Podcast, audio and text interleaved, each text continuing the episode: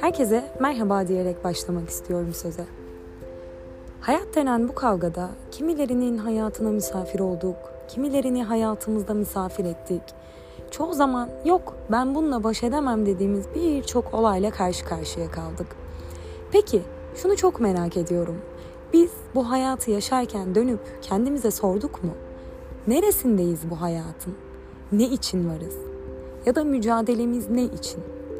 Dönüp baktığımızda yaşanan günler, yaşanan anılar, geçmiş, gelecek tam ortasında biz. Ve biz ne için varız bu hayatta? Neye hizmet etmek için? Kimin doğrusuna, kimin yanlışına?